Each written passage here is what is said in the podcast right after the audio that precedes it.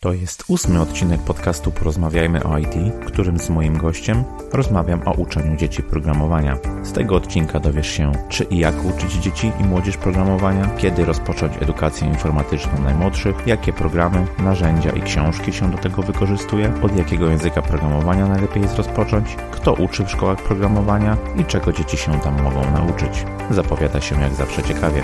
Zapraszam. Witam Cię serdecznie w Porozmawiajmy o IT.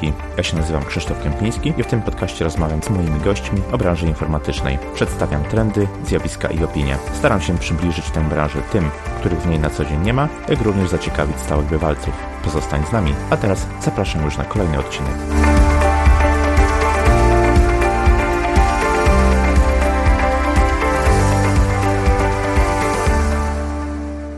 Cześć. Dzisiaj moim i waszym gościem jest Marcin Zajkowski. Cześć Marcin, bardzo mi miło, że zgodziłeś się wystąpić w podcaście. Cześć Krzysiek, dziękuję bardzo za zaproszenie. Super przyjemność po mojej stronie. E, Marcin od 10 lat jest już w branży IT, jest programistą, przedsiębiorcą, certyfikowanym coachem Umbraco, trenerem IT związanym z technologiami Microsoft. Od prawie 3 lat bardzo mocno jest związany z szkołą programowania dla dzieci i młodzieży Wow School. Obecnie również jest współwłaścicielem tejże szkoły. Głównie przygotowuje programy nauczania, rekrutuje nauczycieli, sam sam sporadycznie również uczy. Po godzinach prowadzi bloga undefined.pl traktującego o programowaniu i problemach pracy, życia, prywatnie dumny tata. A dzisiaj porozmawiamy sobie o uczeniu dzieci programowania i szeroko rozumianej edukacji informatycznej najmłodszych. Marcin, dlaczego warto uczyć dzieci programowania? Czy tylko po to, aby w przyszłości mogły mieć stabilny i dobrze płatny zawód, czy też może są jakieś inne ku temu powody? Czy to jest e, chyba najczęściej pojawiający się argument za tym, żeby w ogóle e, zacząć myśleć o, o, o nauce programowania i teraz to się bardzo dynamicznie właśnie odwraca, bo coraz częściej w tej nauce programowania rodzice jak i same dzieci widzą po prostu fajny potencjał do rozwoju swoich umiejętności, nie tylko związanych z tym, z czym programowanie się na co dzień kojarzy, czyli matematyką, logicznym myśleniem, ale również ogólnie z radzeniem sobie po prostu ze zwyczajnymi problemami. No my jako dorośli ludzie i osoby w branży wiemy, że, że, że te umiejętności twarde, techniczne pomagają nam właśnie w różnych aspektach życia i coraz częściej to też dostrzegają rodzice, więc y, odpowiadając na to pytanie, dlaczego warto uczyć dzieci programowania, wydaje mi się, że po to właśnie, żeby wzbudzić w nich taką techniczną ciekawość do odkrywania świata i radzenia sobie z problemami, które ten świat nam gotuje. No wiadomo, że to też często brzmi jak takie zwykłe, suche, często slogany rzucane właśnie w, w zestawieniu z nauką programowania, ale myśmy, nam się wydaje, że tak rzeczywiście jest, że te dzieci rozwijają się pod tym kątem właśnie około programistycznym, przy okazji fajnie się jeszcze do tego bawiąc, więc na pewno warto. Oczywiście, jak najbardziej. A czy jest ku temu jakiś odpowiedni wiek, czy lepiej tą edukację rozpocząć odpowiednio wcześniej, czy też wiek nie ma znaczenia i jak to wygląda u Was w Wow School? No ja często powtarzam, że, że to nie ma większego znaczenia i że nigdy nie jest za wcześnie i nigdy nie jest za późno, o ile e, tutaj w przypadku choćby dzieci możemy mówić, że no trzeba mierzyć też siły na zamiary, jeżeli dziecko już jakby zaznajomione z komputerem, potrafi się nim posługiwać, potrafi obsługiwać komputer sam w sobie jako narzędzie, e, ale też nie zawsze, bo, bo, bo, bo są metody nauczania dzieci programowania bez komputerów. E, więc ten wiek przestał być już taką granicą. W Law School mamy grupy wiekowe od lat 5 do lat 16, czyli pokrywamy dość szeroki przedział wiekowy tych dzieci. Z tym, że oczywiście te grupy są podzielone i, i, i na przykład są to grupy pięciu, o, dzieci od 5 do 7 lat, potem jest grupa dzieci od 8 do 12 lat, a następna grupa już jest od 13 do 16 lat ale już po kilku tych semestrach przeprowadzonych razem z dzieciakami widzimy, że te dzieci często przepływają po prostu z tych grup wiekowych. Czasem są zdolniejsze ośmiolatki, czasem są e, osoby trzynastoletnie, które może z komputerem nie zawsze miały za dużo styczności i chcą e, i potrzebują jeszcze jakby dotarcia się z tymi prostszymi narzędziami. Więc to, to, to naprawdę już przestało być barierą i też widzimy, że często dzieci po prostu pięcioletnie. Ja sam, tak jak powiedziałeś na samym początku, jestem dumnym tatą od niedawna. Ja widzę, jak moje półtora roczne dziecko e, posługuje się już smartfonem, które którego ukradnie od któregoś z rodziców. Więc te dzieci szybko zaczynają, e, szybko też dobrze im e, pokazać, że te narzędzia i te urządzenia służą do czegoś więcej niż tylko do biernej zabawy. 5 lat to faktycznie dosyć wcześnie, przyznam. Wiem o tym, że są aplikacje do nauki kodowania, takie jak na przykład Scratch, Code Combat, czy jakieś edukacyjne zabawki, roboty w stylu Lego Boost, e, czy nawet polski Photon. Myślisz, że z perspektywy e, rodzica, którym niedawno się stałeś, myślisz, że jest sens kupować takie zabawki dla dzieci? Czy one e, no, są jakoś rozwojowe dla nich? No tutaj też mm, myślę, że można nawiązać do tej poprzedniej odpowiedzi, że zawsze też trzeba zmierzyć potencjał i zainteresowanie w dziecku. Na pewno samo kupno zabawki nie wzbudzi chęci mm, jakby po, posiadania tej wiedzy i jakby chłonięcia tej wiedzy programistycznej przez nasze dziecko, e, ale jak najbardziej te zabawki pomagają i nie tylko same roboty czy, czy, czy te narzędzia. E, jednym z moich zadań w zasadzie od samego początku było takie odkrywanie potencjału i możliwości oraz narzędzi wykorzystywanych głównie e, poza Polską do tego, żeby te dzieci uczyć programowania i tych narzędzi jest tyle w tej chwili, że bardzo ciężko zatem nadążyć. Scratch stał się rzeczywiście najpopularniejszym narzędziem i jest bardzo fajnym kawałkiem oprogramowania do tego, żeby zacząć przygodę z programowaniem nie tylko dla dzieci, bo ja też ostatnio staram się zarażać również starszych e, adeptów programowania tym, żeby uczyć się właśnie przez takie narzędzia. E, więc z mojej perspektywy na pewno warto, o ile nasze dzieci już wykazują jakąś chęć zabawy do tego, ewentualnie jeżeli my sami, albo często rodzice, którzy może nie są właśnie mm, branży, czy też nie mają styczności z branżą IT, chcą po prostu poznać, czym to się je i, i poznać to razem, spędzając czas ze swoim dzieckiem właśnie w taki kreatywny sposób. Z tego, co mówisz, wynika, że rodzice powinni być zaangażowani aktywnie e, w naukę programowania E, dla swoich dzieci, prawda? To nie jest tak, że e, dzieci pozostawione same sobie, na przykład ze smartfonem czy taką zabawką są w stanie coś opanować. W sensie jest tutaj według mnie pewne ryzyko, że no, ten czas pójdzie na przysłowiowe granie i będzie raczej zmarnotrawiony niż, niż wyniknie z tego jakiś pożytek, prawda? Ta, ta, to zaangażowanie rodziców według mnie jest niezbędne. Czy według Ciebie też tak jest? Tak, to się, to, to, to się też bardzo, bardzo zmienia, bo o tyle, o ile na początku jak startowali wyjechaliśmy ze szkołą, było tak, że dzieci te głównie pochodziły z rodzin właśnie jakoś powiązanych już z tą branżą kreatywną, czy z branżą techniczną. Tak teraz e, często są to dzieci z, e, z rodzin, które zupełnie z tą branżą styczności nie miały ani nie mają. I często jest tak, że e, rekrutując nawet dzieci na zajęcia, czy zachęcając ich do brania udziału w zajęciach, my często edukujemy również ich rodziców. Mówiąc im o tym, z czym, czego dotyczy to, czego będą ich, robiły ich dzieci na zajęciach, czy też po prostu w jaki sposób tego nauczamy, albo czego nauczamy. Więc rodzice jak najbardziej powinni być zaangażowani i być ciekawi. Zresztą też głównie z tego powodu wyszliśmy z taką inicjatywą, którą myśmy nazwali WOW Portalem, czyli takim narzędziem, w którym rodzice mają wgląd w to, co się dzieje w trakcie semestru w naszej szkole. I na przykład tam okazuje się, że rodzice bardzo aktywnie i bardzo często zaglądają. Dla nas miało być to takim dodatkowym narzędziem. Okazało się, że to jest główna platforma w tej chwili, którą rozwijamy, bo rodzice chcą te dzieci wspierać, sami chcą również poznawać czego uczą się ich dzieci i jakie osiągają rezultaty w tym, co robią na tych zajęciach. Więc ta taka puszka Pandory troszeczkę e, przez rodziców jest otwierana I, I, nas to bardzo cieszy, bo, bo, bo, bo my też jako część naszej misji chcieliśmy przyjąć, żeby, żeby też tych rodziców zaznajamiać z tym, czym ten nasz programistyczny świat częstuje te dzieci na tych zajęciach. To bardzo ciekawe, co mówisz. Na pewno fajnie jest obserwować rodziców zaangażowanych w tą edukację swoich dzieci. Wspomniałeś o zabawie, która jest jak gdyby taką naturalną drogą, czy naturalnym sposobem poznawania świata przez dzieci.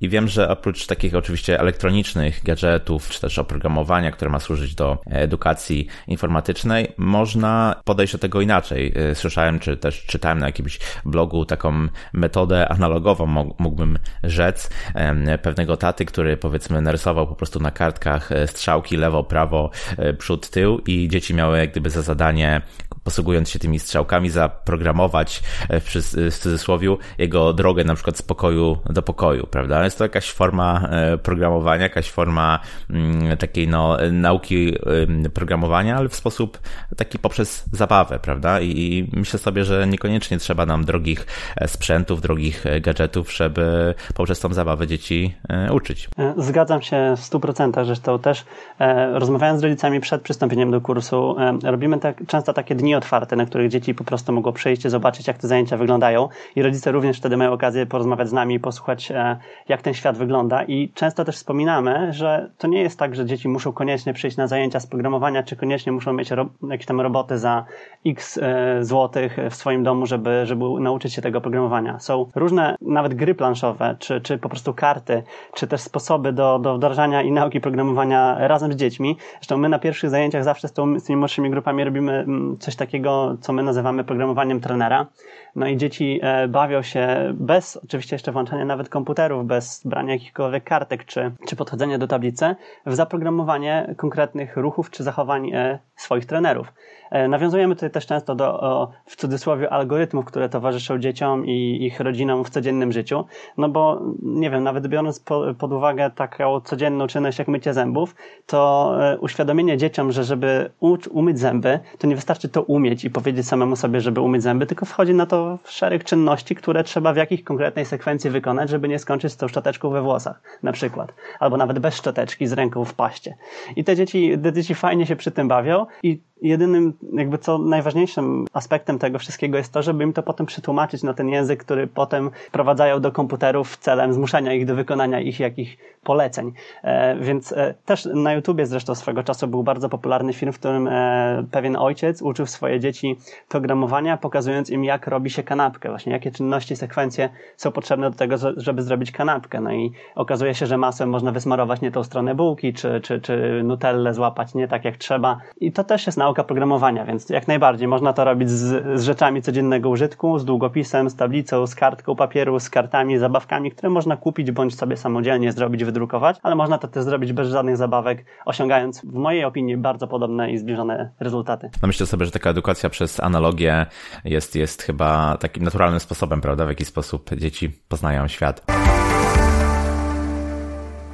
Wiem, że są różnego typu książki na rynku dedykowane właśnie dla dzieci, które jakoś powiedzmy z programowaniem są powiązane. Mam tutaj na myśli e, pozycje typu Hello Ruby, programowanie dla dzieci, Magia Ruby, programowanie z Minecraftem, to już może dla nieco starszych. Jaką tutaj rolę takich książek e, widzisz? I myślę sobie też, czy, czy, czy rodzice gdyby są tutaj w tym procesie niezbędni, w sensie przetłumaczenia tego, co w takich książkach e, jest właśnie dla swoich dzieci. Tak, no, bar bardzo często rodzice są pomocni, bo, bo, bo, bo, książki same w sobie, no, obserwując dzieci nawet, wiemy jak ciężko je zmotywować do tego, żeby złapały same za książkę i, i po prostu oddały się pociesze jej czytania czy eksploracji.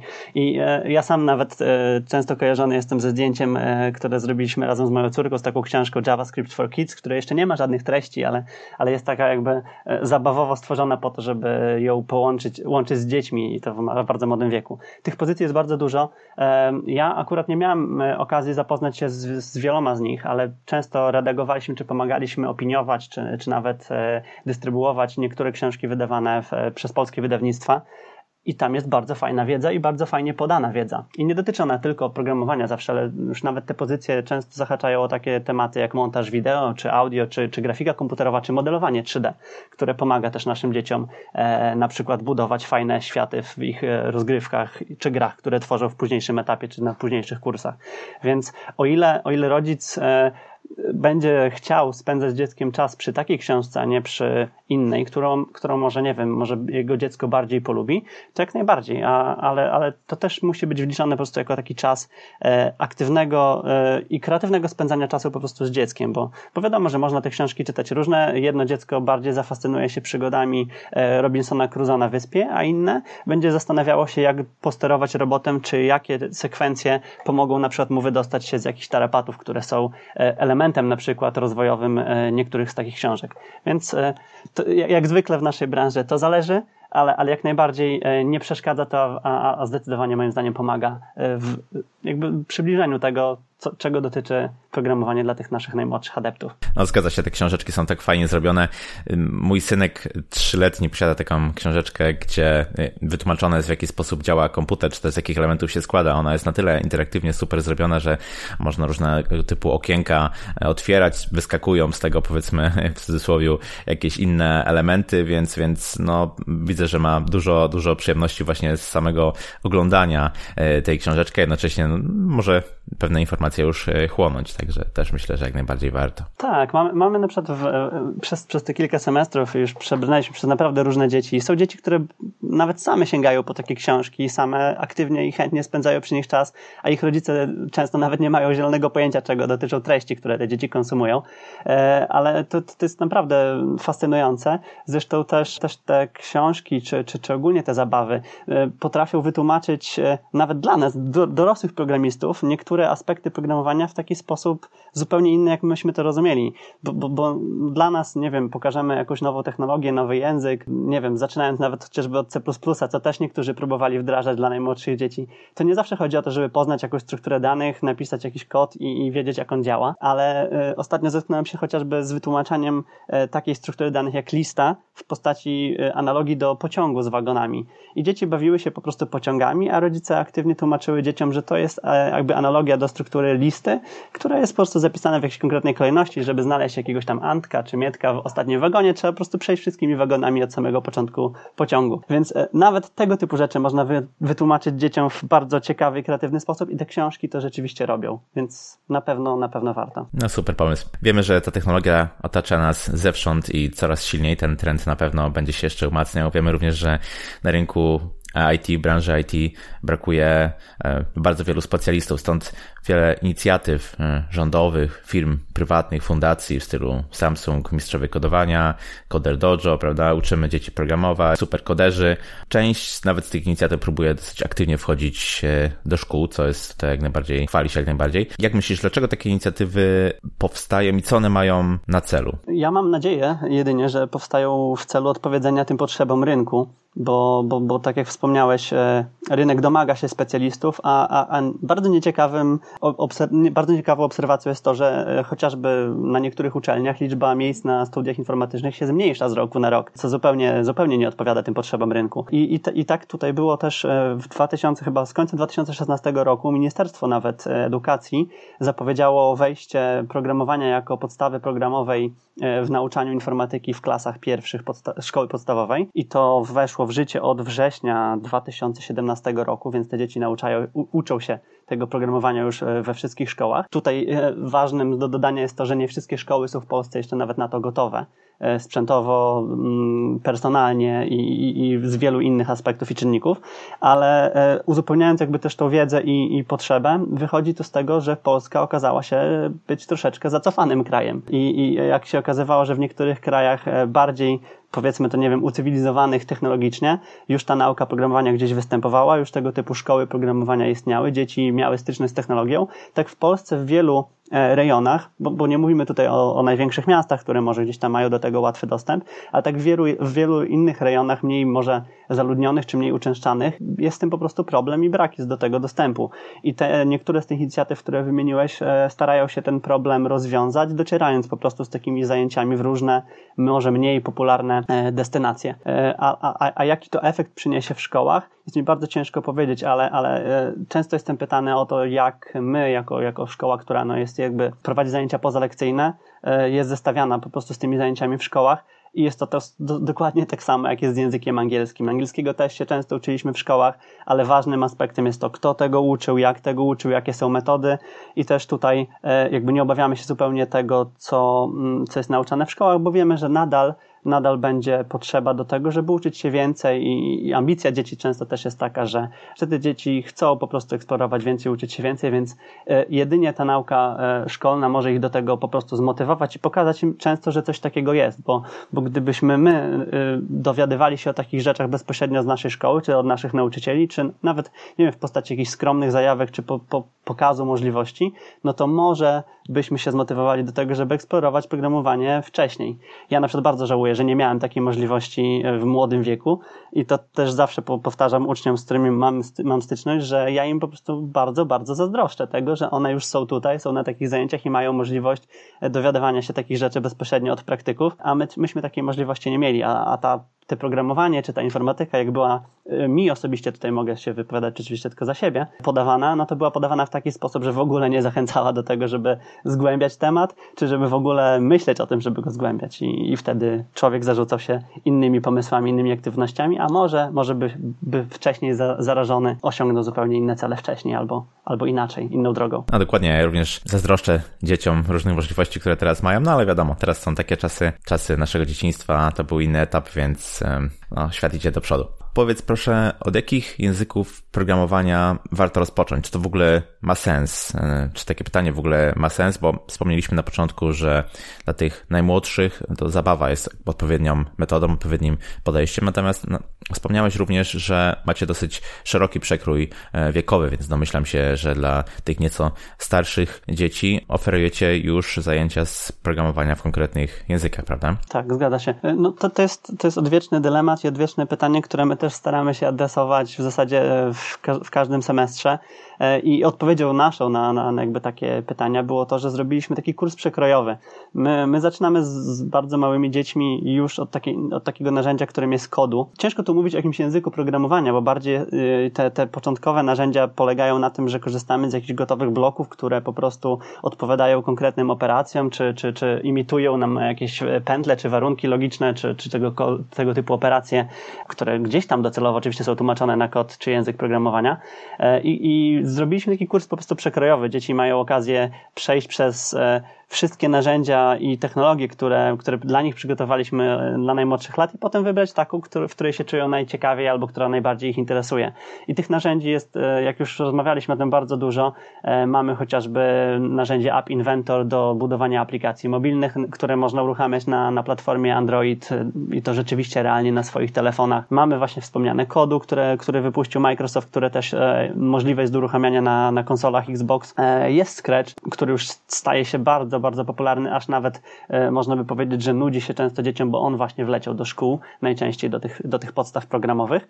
E, no i ostatnio furory robi bardzo Python.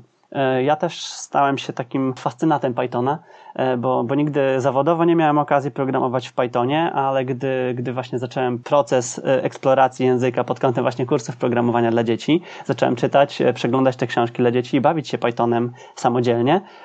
Również zacząłem się tym fascynować i w tej chwili właśnie mamy chyba najwięcej uczniów na tym, na tym kursie, więc Python jest takim pociesznym, właśnie prostym składniowo językiem, który już małe dzieci są w stanie przyswoić ale też jest takim językiem, który pozwala w bardzo szybki, w szybkim czasie osiągnąć rezultat naoczny i widoczny, co jest bardzo istotne w procesie właśnie zabawy i nauczania z najmłodszymi, bo, bo, bo dzieci jak nie widzą albo nie, nie mają namacalnie czegoś, co, co, co tworzą przed oczami, czy na swoich urządzeniach, czy telefonach, czy czymkolwiek innym, to bardzo szybko mogą się znudzić, a, a, tego, a tego na pewno nie chcemy osiągnąć. Dobrze słyszeć, że taki wydawałoby się poważny język programowania jak Python może służyć do zabawy i do nauki dzieci, także to, to jak dla mnie jest e, niespodzianką. Tak, ale jeszcze, jeszcze, jeszcze tutaj może dodam, bo, bo, bo też jakby też Python e, zaadoptowaliśmy dla naszych e, jednych z najmłodszych grup, tych 8-12-letnich, ale też postanowiliśmy go wykorzystać w późniejszych kursach dla tych nieco starszych dzieciaków e, do zestawienia go z pojęciem cyberbezpieczeństwa. Bo jak wiemy, no właśnie Python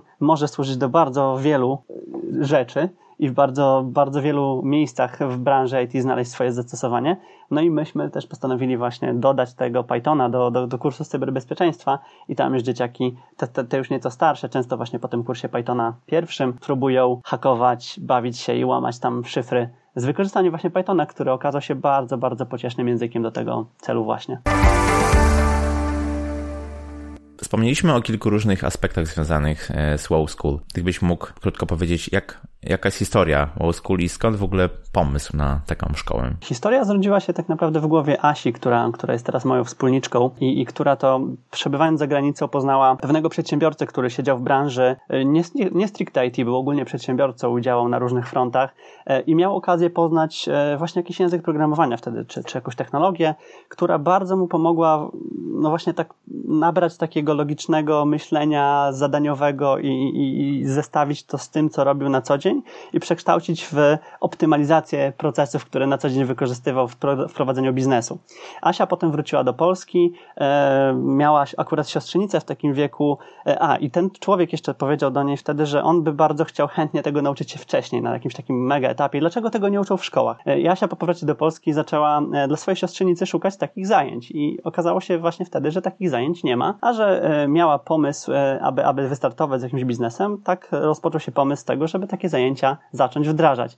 Dziwnym trafem w ogóle wtedy mm, akurat przeprowadziłem się też z Białegostoku pod Warszawę i szukałem ciekawych kontaktów do, do osób około naszej branży IT, żeby po prostu poznać ludzi i, i, i mieć e, dodatkowe zajęcia po przeprowadzce. No i poznałem Asię, okazało się, że znaleźliśmy wspólny język i zacząłem jej wtedy właśnie pomagać z przygotowywaniem programów nauczania oraz sam ówcześnie prowadzić z moim kuzynem, więc też byliśmy takimi pierwszymi beta testerami programów, które sami tworzyliśmy. I, I, tak się ten pomysł zrodził i on ewoluował e, bardzo, bardzo szybko i w momencie, kiedy, kiedy my startowaliśmy, już tych szkół powstawało coraz więcej, a w tej chwili nawet, nawet nie jestem w stanie ich nawet zliczyć, więc, więc taka była krótka może historia Wow School. No bardzo ciekawa historia wynikająca tak naprawdę z potrzeby rynku, jak się okazuje. Tak, zgadza się. A jakiego rodzaju zajęcia są u Was prowadzone i jak często odbywają się lekcje? E, zajęcia odbywają się z reguły raz w tygodniu. Są to zajęcia pozalekcyjne, trwają półtora godziny zegarowej z małą przerwą, najczęściej w grupach szczególnie najmłodszych. I e, jakiego rodzaju zajęcia? E, uczymy e, dzieci programowania głównie, ale e, to też może jako taka mała zajawka E, w przyszłych semestrach chcemy troszeczkę wykroczyć poza, poza samo programowanie i również chwycić e, takich aspektów jak design czy modelowanie 3D, bo okazało się, że przy tworzeniu gier e, brakuje nam właśnie tych modeli, które mogłyby nasze dzieci robić, bo często okazuje się, że one są też uzdolnione właśnie z tej perspektywy kreatywnej. Więc uczymy dzieci budowania gier, aplikacji, aplikacji internetowych i, jak, jak też wspomniałem wcześniej, e, zagadnień e, z dziedziny cyberbezpieczeństwa i ogólnie bezpieczeństwa w sieci. I chyba to by było. A, i jeszcze ostatnio też dołączyliśmy do naszej gamy kursów e, kurs programowania wirtualnej rzeczywistości, czyli bawimy się z, z technologią dokładnie WebVR-u i Unity VR, gdzie, gdzie dzieci robią aplikacje, które potem uruchamiają na, na goglach Google Cardboarda, bądź też bardziej zaawansowanych, bo współpracujemy też z salonami VR-owymi, które nam e, udostępniają sprzęt i dzieciom do tego, żeby te projekty rzeczywiście testować na sprzęcie, który, który do tego został stworzony. Więc to by było chyba, jeżeli chodzi o nasz przekrój. Ale też te, ta, ta paleta kursów zmienia się z semestru na semestr. Staramy się właśnie odpowiadać też takim trendom e, i, i również ciekawić dzieci po prostu tym, co otacza nas w naszym świecie, więc jak, jak najbardziej będą to, będzie to coraz częściej zahaczało o tematy, które naszą branżę informatyczną e, gdzieś tam e, zaczepiają, czyli jakiś IoT, VR-y, nawet jakieś blockchainy, hackingi, tym podobne rzeczy były w naszym, w naszym spektrum zainteresowań i, i sam z wielką niecierpliwością i, i, z taką ciekawością patrzę w przyszłość, bo, bo ja się też najczęściej bardzo dużo uczę przy przygotowując te kursy bądź szukając tych kursów, więc też te, tym dzieciom po prostu chcemy zapewnić rozrywkę na takim poziomie, który odpowiada rzeczywistym potrzebom i jakby reflektuje, może e, e, jest, nawiązuje do tego, co się dzieje na naszym tym dorosłym powiedzmy rynku IT. Świetnie, no myślę, że bardzo szeroki zakres i na pewno każde dziecko znajdzie dla siebie coś interesującego. Powiedz proszę, po co rodzice zapisują dzieci do szkół programowania? Czy tutaj głównie chodzi o zabicie czasu, zajęcie takiego młodzieńca, czy też może są jakieś inne powody? No i tutaj też znowu zależy. Są, są bardzo różni rodzice. E, wcześniej, na początku działania szkoły, było tak, że, że ci rodzice byli rzeczywiście z branży i oni widzieli po sobie, że, że jest potencjał, że ta branża jest nadal rozwojowa, w zasadzie jest od x czasu i podejrzewam, że bardzo długo będzie. I oni widzieli w tym po prostu zwykłe, zwykłą taką inwestycję w, w bezpieczniejszą przyszłość swoich dzieci, o ile te dzieci oczywiście zarażą się taką pasją. Często jest tak, że rodzice zapisują te dzieci właśnie celem zróżnicowania ich spektrum zainteresowań, albo zaciekawienia ich czymś innym, albo pokazania im i za, za, zawierzenia nam misji, żebyśmy pokazali tym dzieciom, e, że komputery, czy też e, narzędzia, które noszą często w kieszeniach, czy, czy, czy, czy w swoich plecakach, mogą służyć do zupełnie czegoś innego niż tylko taka bierna konsumpcja. Czyli, e, czyli powierzają nam misję, odciągnięcia dzieci od, tej, od tych gier czy, czy streamerów, których oglądają tak nagminnie i, i zawzięcie e, godzinami e, i po prostu za, zaszczepienia w nich tej, tej chęci wykorzystywania komputera troszeczkę w inny sposób. Często jest tak, że też rodzice po prostu chcą dzieci e, gdzieś ulokować. No wiadomo, my chodziliśmy często na jakiś, nie wiem, dodatkowy angielski, plastykę. To też, to też są wielkie wojny zawsze pomiędzy dziećmi i rodzicami, bo część dzieci, nie wiem, chciała może iść na plastykę, czy na gitarę, czy na, na, na, na jakieś tam organy i tym podobne rzeczy, a lądują na programowaniu. I często okazuje się, że dopiero jak zestawiają potencjał plastyki, na przykład budując swojego własnego painta, którego potem wdrażają na swoje telefony, łączą dwa światy i, i pasję do rysunku wzbudzają przez kod czy aplikację, którą sami zbudują i wtedy wtedy w zasadzie chyba naj, najszczęśliwsi jesteśmy, że nie wpłynęliśmy na złą, e, złe nastawienie tego dziecka i że to dziecko nic nie straciło finalnie i że jest zadowolone na koniec kursu. No to na pewno, na pewno super sprawa. A powiedz proszę, czy rodzice mają od swoich dzieci jakieś oczekiwania po skończeniu takim, takiego kursu? Czy oczekują, że dzieci posiądą jakieś konkretne umiejętności, czy też może jest to raczej takie luźne właśnie podejście na zasadzie realizacji pasji? Tutaj też bywa bardzo, różnie. E, widzimy, że, że coraz więcej rodziców chce naocznie obserwować postępy nauki e, swoich dzieci. I właśnie w odpowiedzi na tą potrzebę zbudowaliśmy swój portal, który, który taką możliwość rodzicom udostępnia, gdzie mogą zobaczyć, co ich dzieci robią na zajęciach, jak to im idzie, tak naprawdę czego będą dotyczyły poszczególne zajęcia albo jaki jest ich rezultat. I, i widzimy, że coraz więcej rodziców e, właśnie na ten portal zerka, więc, więc można by powiedzieć, że ta ciekawość ze strony rodzica wzrasta. I czy rodzice czegoś oczekują? Wydaje mi się, że, że na pewno najważniejszym jest to, żeby te dzieci e, z, z chęcią chodziły na te zajęcia, żeby wracały z nich zadowolone i żeby mile spędzały czas. E, a my swego czasu nawet próbowaliśmy zmierzyć we współpracy z pewnym instytutem e, taki jakby model rozwojowy e, tych dzieci, ale jest to bardzo ciężkie do osadzenia, do, jeżeli chodzi o takie porównywanie rozwoju dzieci, szczególnie w takich grupach, gdyż my od samego początku mówiliśmy, że my nie chcemy być taką szkołą, taką stricte szkołą, która stara się, nie wiem, może wszystkich dzieci równać do pewnego poziomu, ale staramy się te osoby, które na wstępie wykazują jakiś mega silny potencjał, e, angażować po prostu mocniej, e, a, a dzieci, które, które fajnie się bawią, nadal zapewnić im po prostu fajną zabawę. Stąd też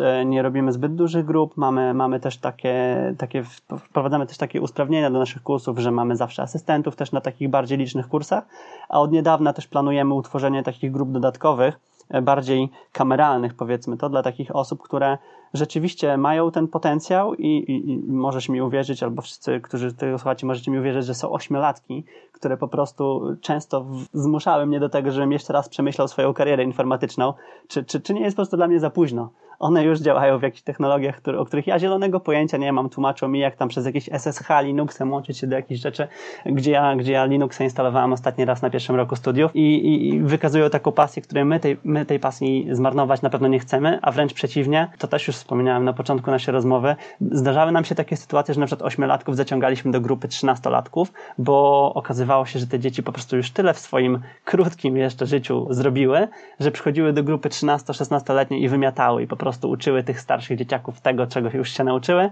Więc ten potencjał jest różny, oczekiwania rodziców są różne, ale ja bym to jednak finalnie rzeczywiście sprowadził takie odpowiedzi, że rodzicom najczęściej zależy na tym, żeby te dzieci nie zmarnowały tego czasu, żebyśmy my też postarali się tym dzieciom gdzieś tam może naprostować punkt widzenia na temat komputerów i samego ich wykorzystywania przez nich w domach i nie tylko w domach, e, oraz żeby właśnie te dzieci miło spędziły czas żeby go nie zmarnowały. No niesamowite. A Marcin, powiedz proszę, kim są wasi nauczyciele? Czy każdy może zostać nauczycielem w takiej szkole jak Wow School? To się bardzo zmienia e, i, i też, też uczymy się na, na różnych błędach i niebłędach, ale również adaptujemy się do tej sytuacji, bo misją początkową i w zasadzie od samego początku, jak ja podchodziłem do edukacji programistycznej, byłem święcie przekonany, że mnie na przykład programowania nie nauczyłby ktoś, kto czynnie tego nie robi.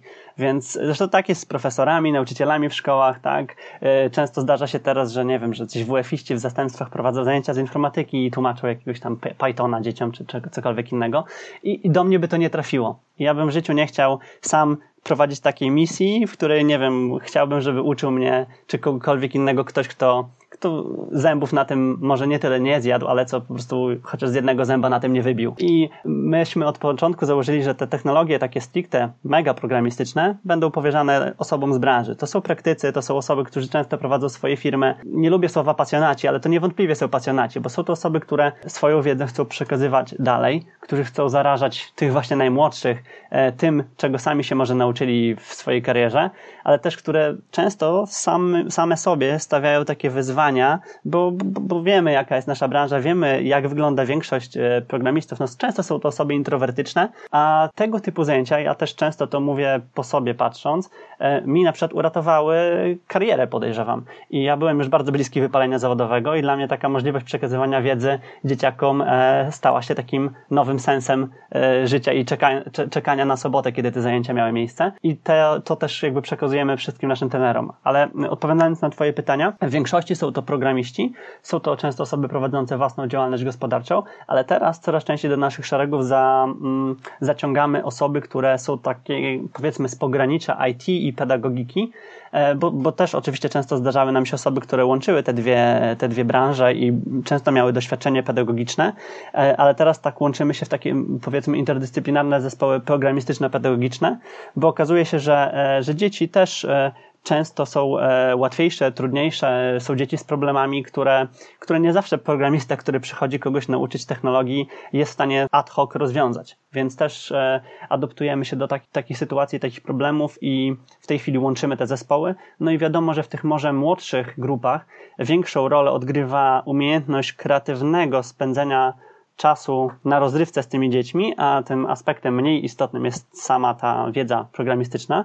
Oczywiście też y, przyuczamy tych naszych trenerów, czy nawet, nawet pedagogów do tego, żeby byli w stanie e, odpowiadać na, na, na, na często bardzo trudne pytania programistyczne tych dzieciaków. I często są to osoby po prostu, e, które ukończyły studia pedagogiczne bądź są w ich trakcie jeszcze nawet, e, ale chcą się uczyć programowania, bo też widzą w tym jakiś potencjał, więc to jest dla nich też takie dwa w jednym. A oczywiście starsze grupy, technologie takie jak Unity, VR, czy, czy programowanie już takie może bardziej zaawansowane, aplikacje internetowe, czy, czy, czy tego, tego tego typu rzeczy, to stricte już trafiają w ręce praktyków i osób, które robią to zawodowo i które po prostu są w stanie też często zaciekawić dzieci tym, co robią na co dzień, bo nie chodzi też tylko o to, żeby przekazać mm, sam plan nauczania, ale również pokazać, co można z tym zrobić w rzeczywistym życiu. E, I jak w przypadku chociażby na przykład VR-u czy, e, czy Unity, e, wspomniałeś tutaj robota Fotona, to, to, to, to są bardzo nasi dobrzy przyjaciele i na przykład w Białymstoku część e, trenerów to są osoby, które pracowały nad właśnie aplikacjami Fotona i, i samym robotem Fotona, więc to było takie naprawdę przyjemne z pożytecznym, bo, bo dzieciaki poznawały, jak z wykorzystaniem tej technologii, której się uczą, e, ktoś zrobił takiego robota jak Foton i jeszcze dodatkowo tym samym uczy innych programowania, więc to było takie naprawdę win-win. Więc tak, programiści, pasjonaci, pedagodzy coraz częściej, ale jak najbardziej jakby ktoś to słuchający chciałby zmierzyć się z taką misją. E, ja e, już teraz ostatnio nawet rozmawiając ze znajomymi stwierdziłem, że ja prowadzę nieustanną rekrutację, bo, bo, bo dobrych ludzi naprawdę w zespołach e, nigdy za wiele i staramy się mieć takie interdyscyplinarne e, komórki e, super ekstra zespołów w każdej z naszych lokalizacji, e, więc jak najbardziej chętnie odpowiemy na taką potrzebę albo damy komuś możliwość zmierzenia się z takim challenge'em, jakim jest nauka programowania dla dzieci. Oczywiście jak najbardziej zapraszamy. Tego, jak opowiadasz o uczeniu dzieci programowania, jasno wynika, że masz tą pasję. Myślę, myślę że dzieciom znacznie prościej jest wówczas tą wiedzę chłonąć od trenera, którą, który taką pasję ma w sobie. Powiedz proszę, pokutuje takie mniemanie, że programista powinien mieć opanowaną matematykę, prawda? A oprócz niektórych wybranych gałęzi programowania tak nie jest. Zastanawiam się, czy dzieci, które zaczynają uczęszczać do, do waszej szkoły, również muszą jakiś zakres umiejętności mieć e, opanowany, czy też, że tak powiem, przysłowiowej ulicy mogą przyjść na zajęcia? E, nie, no właśnie tutaj e, w naszych wymaganiach zawsze precyzujemy, że jedyną w zasadzie rzeczą jest dobre nastawienie i umiejętność posługiwania się komputerem. Ja sam orłem z matematyki nazbyt nigdy nie byłem i programując czy, czy, czy wykorzystując różne języki programowania wiemy, jak dużo w tej chwili też schowało się za tymi warstwami, które, które są przez nas wykorzystywane. No, no, no nie oszukujmy się, programowanie stało się o wiele prostsze i staje się o wiele prostsze z roku na rok i z języka na język. I to samo, to samo ma, jest w tych narzędziach e, do nauki programowania dla dzieci. Tam no, nie wprowadzamy jakichś mega trudnych algorytmów e, odpowiadających za, nie wiem, obsługę grawitacji, ale staramy się oczywiście to zrobić e, i wytłumaczyć e, wykorzystując prostsze struktury czy prostsze algorytmy. I, i, I też często te same narzędzia nam to po prostu ułatwiają, więc dużo rzeczy dla tych najmłodszych dzieci jest po prostu schowane i, i dla tych starszych również. Więc nie, ja, ja też odpowiadam rodzicom, ta umiejętność matematyki, dziecko nie musi być orłem z matematyki, żeby uczyć się programowania, a wręcz e, przywołując właśnie tutaj swój przykład, e, ja nie mogę powiedzieć, że, że tym orłem wcale do końca być nie musi, bo o ile będzie wiedziało, jak radzić sobie z tymi problemami, to te rozwiązanie na problemy znajdzie, niekoniecznie zawsze grzebiąc w tych trudnych aspektach matematyki. Chociaż też tutaj warto wspomnieć, że dzieci, które myślą e, ambitnie o tworzeniu no, gier, czy, czy, czy, czy nawet wykorzystywaniu jakichś silników gier, to umiejętność matematyki posiąść finalnie będą musiały, albo, e, ale, to też nie jest etap e, ten, przy którym przystępują do, do pierwszej nauki programowania. My założyliśmy od samego początku, że my tych dzieci nie chcemy zrazić i skrzywdzić i pokazać im, że, że, że, że bez tego czy bez tamtego sobie po prostu w życiu nie poradzą, tylko pokazać im, gdzie ewentualnie mogą szukać rozwiązań na problemy, które e, jeśli nie teraz ich dopadną, to z czasem, ale też nie staramy się tych problemów tworzyć w momencie, kiedy ich jeszcze nie ma. Dobrze, że wyjaśniliśmy teraz na zawsze. Powiedz proszę, ilu dzieci uczęszcza do Wow School? Czy to jest jakaś zamknięta, skończona liczba, czy też dostosowujecie się z roku na rok do potrzeb rynku? Często ta liczba jest ograniczona, ale ograniczona jest właśnie liczbą naszych trenerów, bądź liczbą możliwości logistycznych, po prostu w sal dostępnych, w których możemy prowadzić e, zajęcia, bądź po prostu dostępności e, naszych trenerów. Ta liczba rośnie e, z semestru na semestr. Ja w tym semestrze jeszcze do końca tej liczby nie liczyłem, E, ale w ubiegłym semestrze było to ponad 450 chyba dzieci w całej Polsce, także to jest dość, dość, dość duża liczba e, I, i tak jak wspomniałem, ta liczba rośnie z semestru na semestr i chcielibyśmy docierać do jak największej liczby, liczby tych dzieci, z tym, że tak jak tutaj mówiłem, no, najczęściej ograniczała nas logistyka, bo chęć w tych dzieciach jest, pomimo zwiększonej liczby szkół programowania, nadal te dzieci chcą się tego uczyć, a rodzice chcą uczyć tego dzieci, więc, więc ta liczba rośnie i na pewno będzie też rosła. Dobrze, że widać ten trend rosnący. Powiedz proszę, jak Polska wygląda na tle innych krajów, jeśli chodzi właśnie o tą edukację. Wiem, że na przykład Szwecja planuje włączyć naukę programowania do planu nauczania takiego podstawowego w szkołach. Estonia, Finlandia, Wielka Brytania też już e, różnego typu kroki w tym kierunku prowadzą. A jak to, jak to w Polsce wygląda na tle innych państw? No tak jak już rozmawialiśmy wcześniej, no Polska też poczyniła pierwsze kroki i, i postanowiła wprowadzić e, naukę programowania do, do, do podstawy programowej w szkołach podstawowych i, i z tego co wiem, to się zadziało. Bardziej, bardziej wydaje mi się istotne to, jak e, to jest egzekwowane, bądź jak to po prostu jest wdrażane, no bo wiadomo, że same decyzje, czy same slogany, czy, czy po prostu programy ministerialne, w, nawet w jakimkolwiek rządzie nam problemów nie rozwiążą. E, I, I tak jak tutaj też przywołaliśmy ten wątek w, w tym temacie mm, wcześniejszym, w 2016 roku e, w zestawieniach takich z innymi państwami europejskimi Polska wypadała bardzo blado i widać było te, te, te zatofanie jeszcze trochę technologiczne, jak również e, właśnie brak dostępności tego typu kursów czy, czy możliwości dla tych najmłodszych dzieci. Teraz to się zmienia. Wydaje mi się, że e, znaczy obserwując, ja bacznie obserwuję rynek e, akurat brytyjski, bo, bo, bo pracuję na co dzień e, z, z firmami z tamtej lokalizacji i mogę powiedzieć, że Polska w zupełności nie odstaje w żaden sposób od tego, co jest oferowane na rynku brytyjskim, a wręcz powiedziałbym, że teraz, nawet patrząc na konkurencję naszą, czy, czy, czy nasze poczynania, czy poczynania wszystkich tutaj w naszej, w naszej lokalnej branży, jesteśmy już nawet przed tym rynkiem, a, a jedyny rynek, którym może moglibyśmy e, się aspirować, to jeszcze są te Stany Zjednoczone, ale tam, e, tam ten przemysł ma, ma dużo większą gotówkę wpompowaną w to, żeby to promować, jak również ma też więcej takich ciekawych person czy twarzy, które flagują ten ruch. I ja w Polsce też swego czasu starałem się znaleźć namiary może na osoby z takiego powiedzmy celebryckiego świata, które mogłyby powiedzieć, że ej, pomogło mi programowanie w tym i w tamtym, nie wiem, gdyby nie programowanie to, to bym tego i tego nie osiągnął, czy tego i tego nie zrobił. I w Stanach Zjednoczonych takich historii jest bardzo dużo i te historie budują chęć i głód w tych dzieciach do tego, żeby się uczyć, ale również budują to też w, w organizacjach i te organizacje starają się wtedy na to odpowiadać.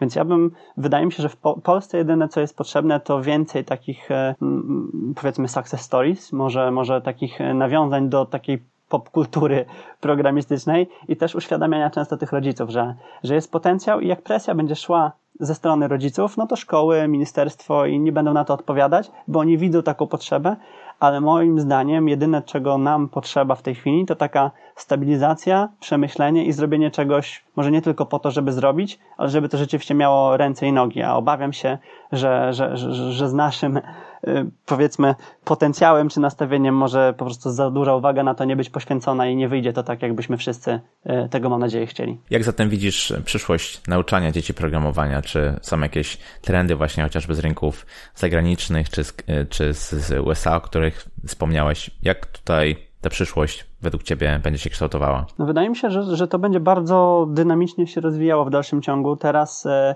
trafia to do, do szkół, coraz więcej dzieci już o tym po prostu się dowiaduje i sama nawet wykazuje chęć do dowiadywania się więcej.